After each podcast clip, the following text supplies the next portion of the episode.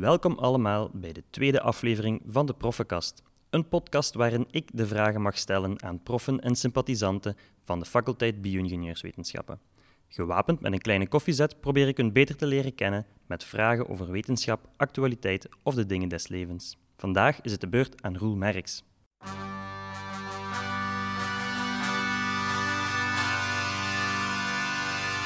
De Proffenkast.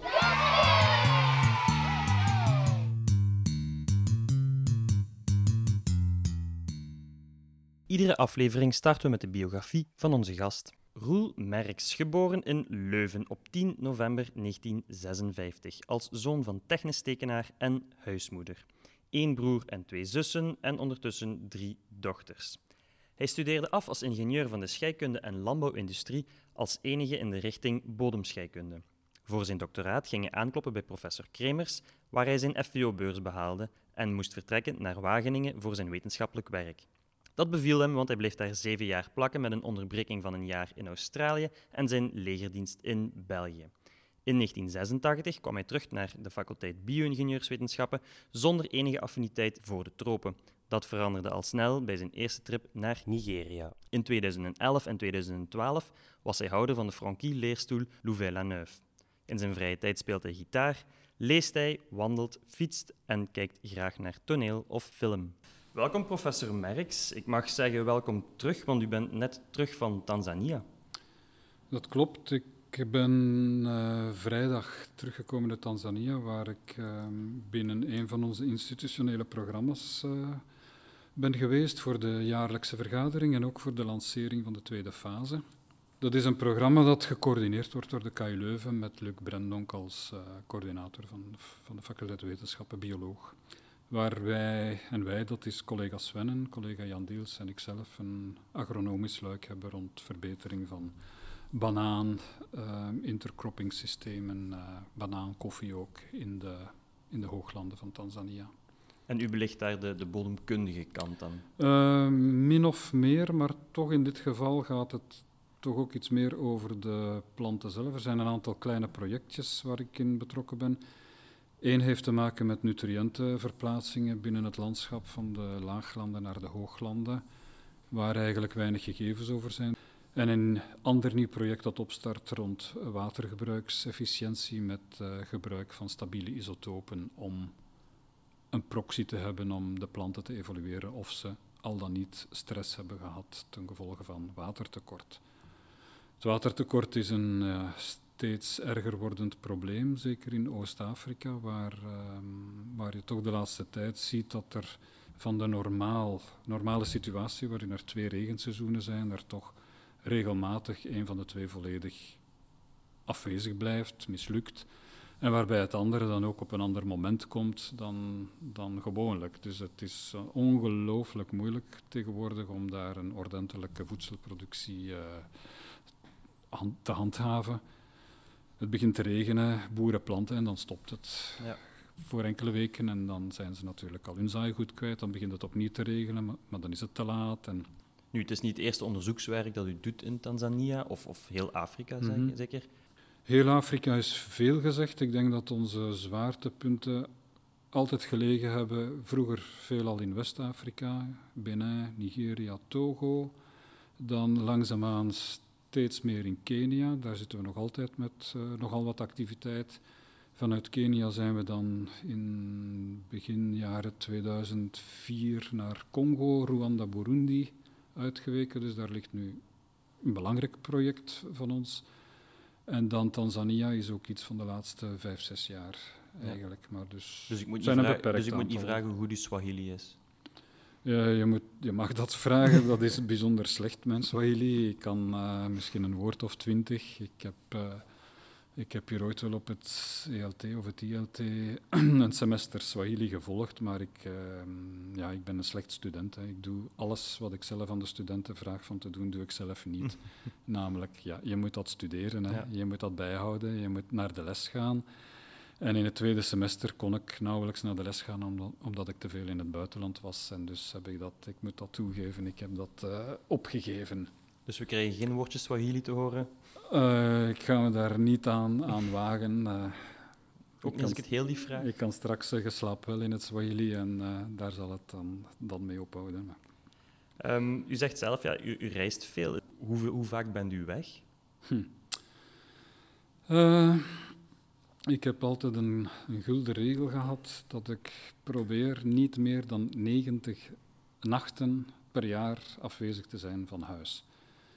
Maar daar zit dus alles in. Hè. Ook als ik uh, één nacht, uh, als ik in Wageningen ben of in Frankrijk of zo. Dus alles opgeteld over het hele jaar mag niet boven de 90 gaan. En ik denk dat dat zo de laatste jaren toch altijd tussen de 70 en de 80 uh, schommelt. Dus behoorlijk wat.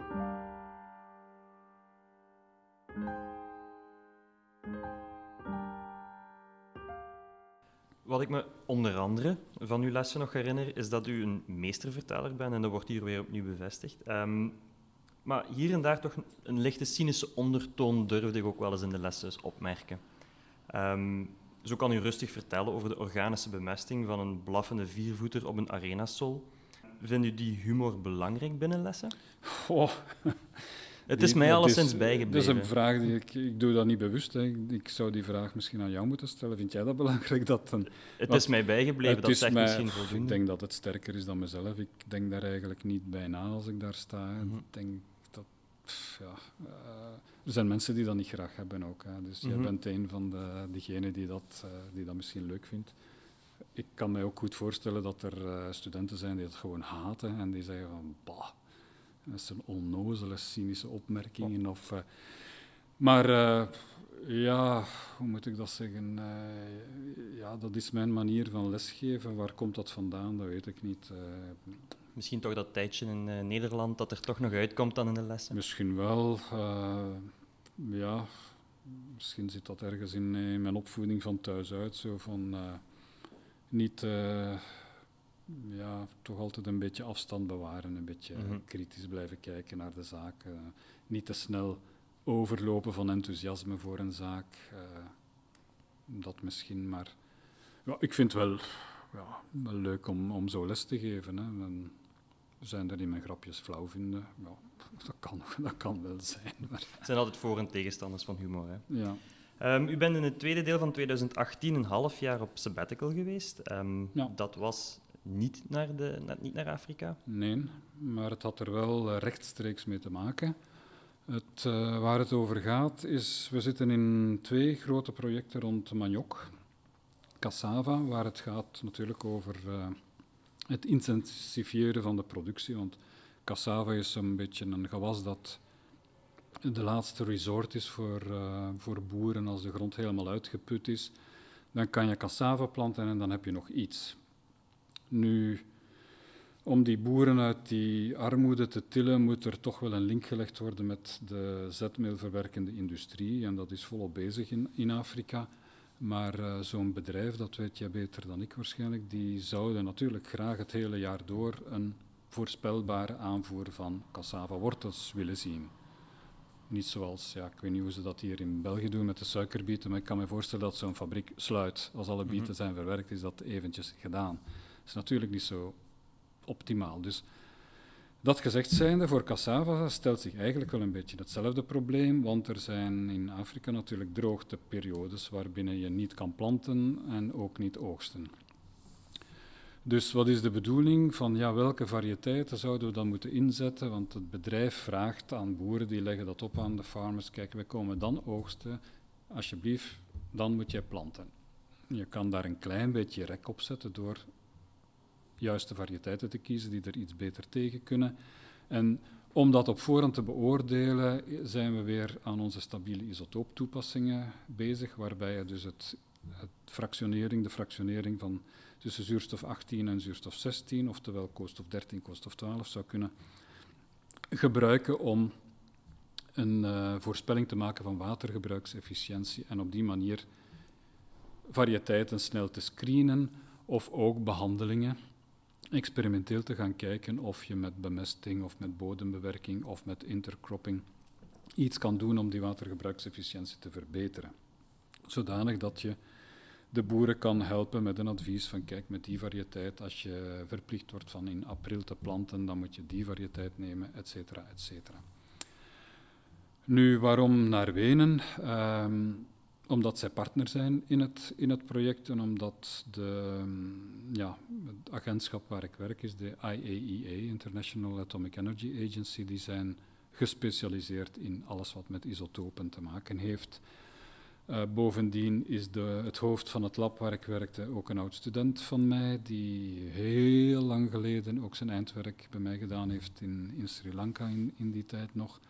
En vandaar dat, dat, uh, dat we altijd zo'n beetje contact gehouden hebben. En uh, hij heeft daar faciliteiten gezet die wel interessant zijn, namelijk een groeikamer waar je in volledig hermetische gesloten condities kan planten labelen, dus dan wel met verrijkt C13CO2, zodanig dat je de flow, dus het uh, patroon, de assimilatiestroom kan volgen en vergelijken tussen variëteiten, vergelijken hoe de ene of de andere reageert op waterstress of op kaliumbemesting. Kalium heeft iets te maken met huidmondjesopening en dat soort dingen. Dus je kan daar al dat soort dingen uh, mooi uittesten. Is, is, dat dan een speeltuin voor de professor die terug open gaat en, en, en zelf terug aan het experimenteren slaat? Ja. Een, een half jaar waar je zegt van hier kijk ik nu eens naar uit om terug met mijn handen ja. meteen aan het onderzoek ja, daar, daar komt het eigenlijk wel, wel op neer. Ja. Je zou kunnen zeggen, ja, maar je hebt hier toch speelkamer genoeg, een uh, speelplaats genoeg. En veel speelkameraadjes. En veel meer speelkameraadjes, dat is ook zo. Maar um, ja, je weet als je, als je hier bent, dan um, zit je eigenlijk toch wel met veel, uh, veel vergaderingen, met veel beleidskwesties, met veel administratie. En daar ben je dus voor een zestal maanden dan quasi volledig van bevrijd. Dus je kan je 100% aan, aan die zaak wijden. Dus ik heb effectief met een lab, labojas in het lab gestaan, in de serre, in de groeikamer, uh, aan de massaspectrometer, stalen ingewogen, alles wat erbij hoort. En dat gaat dan even vlot als, mag, uh, mag ik vroeger zeggen? Ja, eigenlijk wel. Eigenlijk wel ja. Je voelt dat, dat is eigenlijk... Fietsen, men verleert dat niet. Het is eigenlijk iets van... Uh, dat is waarop je uiteindelijk bent beoordeeld om te mogen doctoreren en daar is je doctoraat op ja. beoordeeld. En dat is wat je kan. Hè. Al de rest moet je later doen, waar het, word je eigenlijk nooit, uh, nooit op geëvolueerd, om het oneerbiedig te zeggen. Nee, het is, uh, enfin, op dit moment is mijn collega, dus Erik Smolders, is nu ergens anders in Wenen, maar ook op sabbatical. En hij heeft gezegd van ja, je moet me niet e-mailen, want ik ga zes maanden op niets antwoorden, punt. Dus niemand. En houdt hij, het goed, houdt hij het goed vol met niet mailen? Uh, ja, hij heeft het een week volgehouden. en ik merk toch nu al af en toe een signaal zo van... Maar het blijft natuurlijk zo dat je fysisch weg bent en dat er niemand aan je deur kan komen ja. uh, kloppen om um, van alles te vragen of te komen klagen over uh, het een of het ander. En dus dat is effectief wel belangrijk. Super.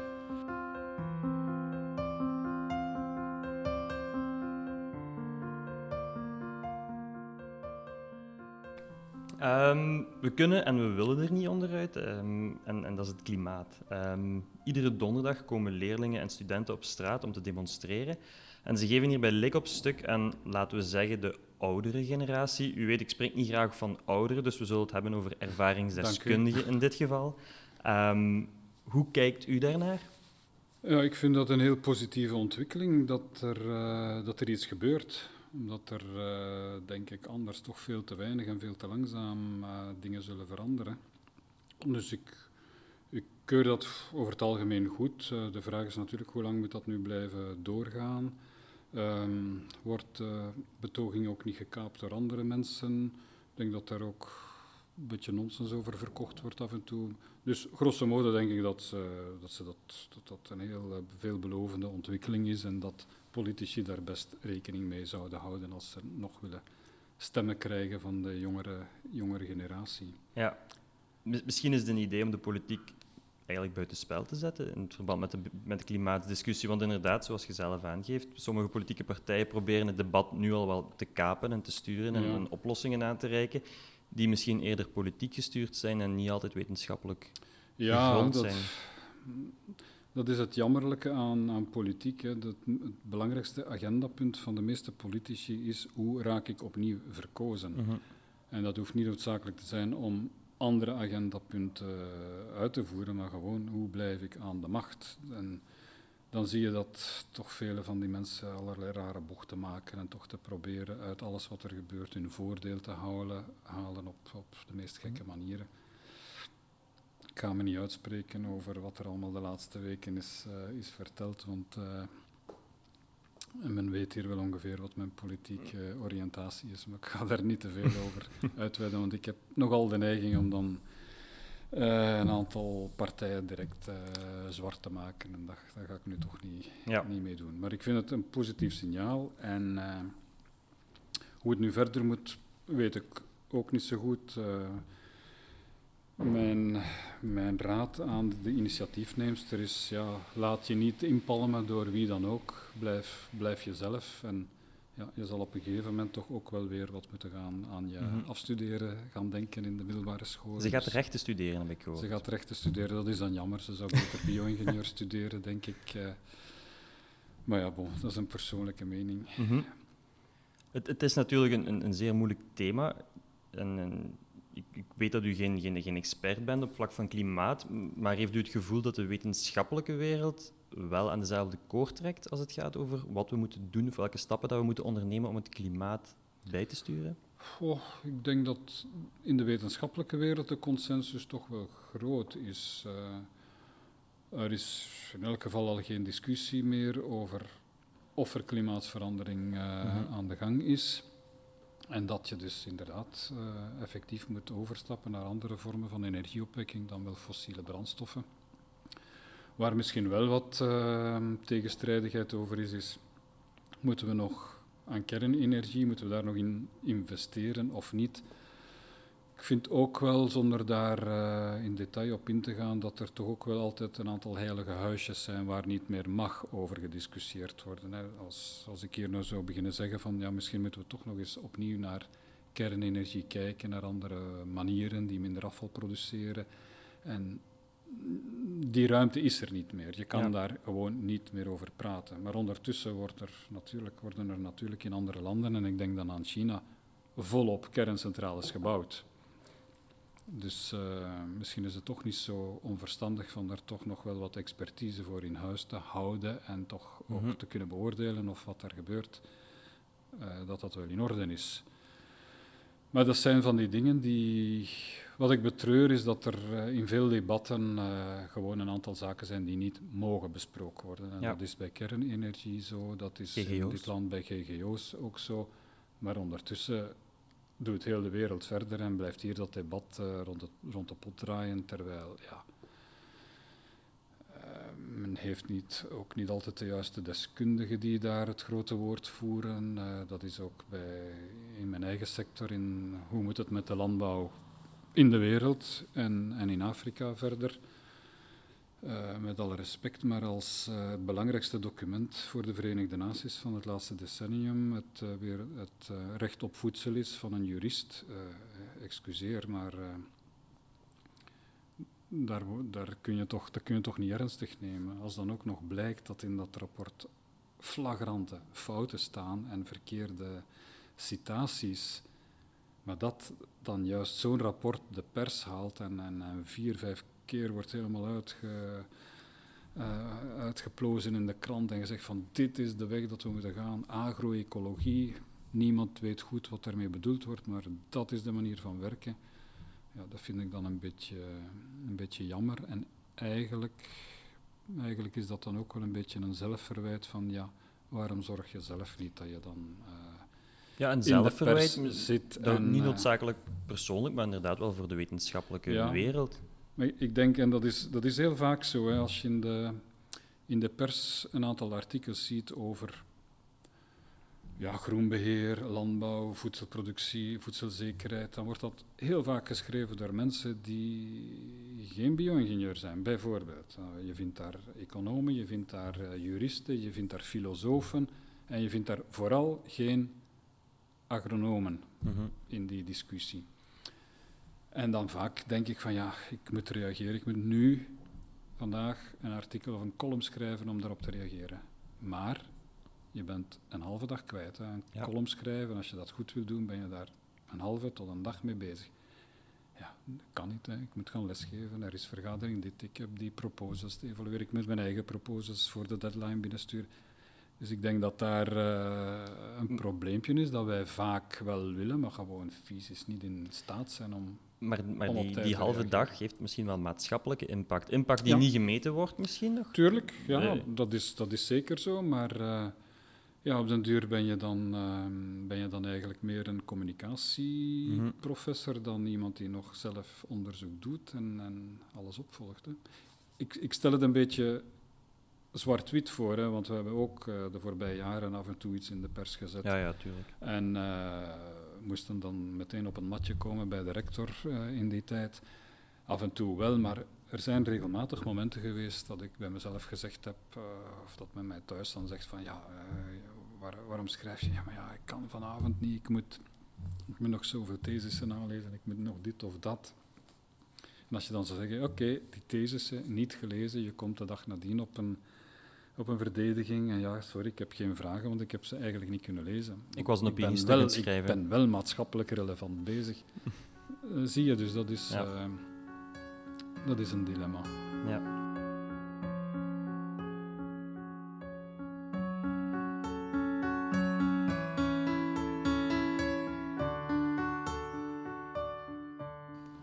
Uh, welke boodschap zou je nog geven aan toekomstige of huidige, huidige studenten?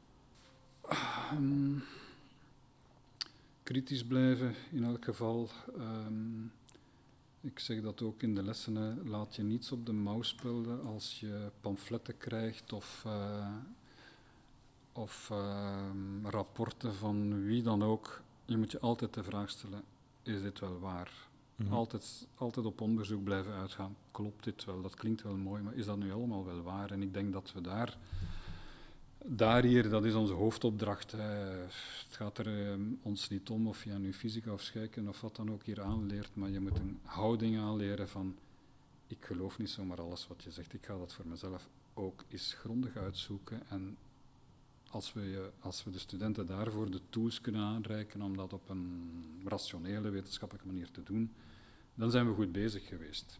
Dus mijn boodschap is van, ja, je moet kritisch blijven, je mm-hmm. moet uh, je blijven verwonderen over alles. En Goed, we zijn aan het laatste deel van uh, het interview gekomen. Als ervaringsdeskundige aan deze faculteit heb ik ook begrepen dat het, het emeritaat ergens in de verte longt. Um, kijkt u daar naar uit of ziet u dat als een verplichte stop? Uh, uh, ik kijk daar niet naar uit. Er zijn natuurlijk altijd een aantal aspecten waarvan ik uh, blij zal zijn dat ik ze niet meer zal moeten doen. Maar al bij al het uh, bezig zijn met, met, met onderzoek en, en, met die projecten, dat is gewoon interessant en intrinsiek leuk. En dat is onze, ja, bij ons is het toch zo dat de beroepsactiviteit eigenlijk een dermate groot deel van je leven inpalmt dat het er eigenlijk bijna onlosmakelijk mee verbonden is. Ja. Dus uh, wat, dat ver, wat dat betreft uh, kijk ik er wel een beetje met, uh, moet ik het zeggen, zorg of een klein beetje bang is misschien een sterk woord, maar dat je je toch afvraagt van let toch op, want uh, dit is voor meer dan 40 jaar je leven geweest en al de rest is daarvoor in mineur moeten gaan. Je hebt veel minder muziek gespeeld, je hebt te weinig gesport, je hebt te weinig met vrienden gedaan, je hebt alles veel te weinig gedaan voor deze cause en die valt dan ineens weg. Ja, daar ben ik toch nog niet op voorbereid, denk ja. ik. Uh, dus... Um, of ik er naar uitkijk? Nee, ik ben er, begin er een be klein beetje bang van te worden, zo moet ik zeggen. Nu ik de vraag gesteld heb, uh, begin u er nee, bang Nee, dus ik, ben er, ik, ik, weet ongeveer exact wanneer het uh, verdikt zal vallen. Dat is nog drieënhalf academiejaar eigenlijk, dus dat ja. is echt niet lang meer. En dan vind ik langs de andere kant ook wel een beetje... Uh, ja, het is dubbel. Hè. Ik vind langs de ene kant, ja, je moet plaatsruimen voor al die, die jonge, snelle gasten die er duizend keer slimmer zijn dan jij en veel rapper zijn en veel beter en dat weet ik veel wat allemaal. Maar langs de andere kant heb je toch ook een gevoel van, ja, ik ben toch ook niet helemaal niks meer waard. Mm -hmm. uh, is er nu niks zinnigs meer dat ik kan doen waarvoor ik dan niet betaald moet worden, maar dat je toch kan doen gewoon. Dat ja. je nog een beetje um, respect krijgt of toch een beetje erkenning voor Maar dat is toch mogelijk? Of, of? In feite is, gaat het dan vooral over lesgeven. Hè? Ja. Omdat de collega's daar dan, mm, laat het ons toch maar zeggen zoals het is, graag vanaf zijn. Dus eh, als ik zou vragen, mag ik nog wat, wat van die vakken geven, dan gaan ze dat waarschijnlijk wel toestaan. Mhm. Maar dat is nu misschien niet direct het, eh, hetgene dat ik het meest ambieer. Omdat ik daar juist vind van, kijk, lesgeven, dat moet je dan toch, toch kunnen doen op het scherp van de snee. Ja. En wat, het, wat zo'n beetje de laatste en meest actuele trends zijn. dus ik denk niet dat dat de beste manier is om daar eh, de, expert, de ervaringsdeskundigen te laten lang in meedraaien. Maar ja, er kan toch hier en daar nog wel een, ehm, een project ge- geadviseerd worden of een project uitgevoerd worden of in een bepaald programma toch bepaalde activiteiten doen. Eh, nou, Een eigen NGO starten. Ja, ik zal de laatste zijn om mij op te dringen hoor, dus maak Ja. je daar eh, geen zorgen over. En dan is het ja, een kwestie van je leven een andere invulling te geven. Hè. Ik, Ja. eh, het is ook, ehm, het is misschien ook omdat ik zelf eh, mijn ouders niet lang heb gekend na hun pensionering, dus ik ken de situatie niet zo goed. Van mijn, mijn vader is op 66 overleden, mijn moeder op 64, dus ik heb die nooit gekend als op rust zijnde. Mhm. Die hebben de, de kans niet gehad. Dus eh, vraag ik me af van ja, ehm, hoe gaat dat zijn? Misschien moet ik, me daar niet te veel, moet ik daar niet te veel in plannen, want misschien ben ik er dan ook al niet meer als ik de genen heb van, eh, van de beide kanten. Maar pff, ik, zal, ik zal wel, wel dingen vinden om te doen en Meer gitaar spelen. meer gitaar spelen in elk geval. Heb ik op sabbatical ook veel meer gedaan dan nu. Wat speelt u? Ik speel gitaar. Ik speel op een, eh, een akoestische, een folkgitaar, dus vooral blues, jazz. eh, jazz niet zoveel meer folk en eenvoudige dingen, want ik kan geen noten lezen. Dus ik kan dat bijvoorbeeld beginnen Ja, leren ja, naar ja, de muziekschool. Ik denk wel van naar de academie te gaan om te, om te leren tekenen. Dat is ook iets dat me wel interesseert. Dus ik zal, ik zal mijn plan wel trekken. De laatste vraag. U vertelt mij dat u in het weekend stevast toch wel probeert af te bakenen wat uw vrije tijd is. En dan zeg ik, hier stoppen we ergens Ja. vrijdagavond, zaterdagochtend. En Ja. we beginnen pas terug aan het werk tegen zondagavond. Ja. Ehm, wat gaat u dit weekend dan doen? Waar kunnen we u vinden? Eh, dit weekend, eh, er zijn. We moeten naar een feestje van iemand die 60 wordt, zaterdagavond. Er komen vrienden op zondag in de namiddag wandelen, die blijven eten. En ik zal waarschijnlijk mijn twee kleinkinderen uit de turnles gaan oppikken en die naar hun moeder brengen. En ik denk dat dan het weekend ongeveer Dan is het eh, om, hè? om zal zijn. Hè. En dan nog een beetje gitaar spelen, wat, wat lezen, de krant lezen, eh, boodschappen Voilà, dat komt. maken. Dat komt helemaal in orde. Hartelijk dank voor dit gesprek. Graag gedaan.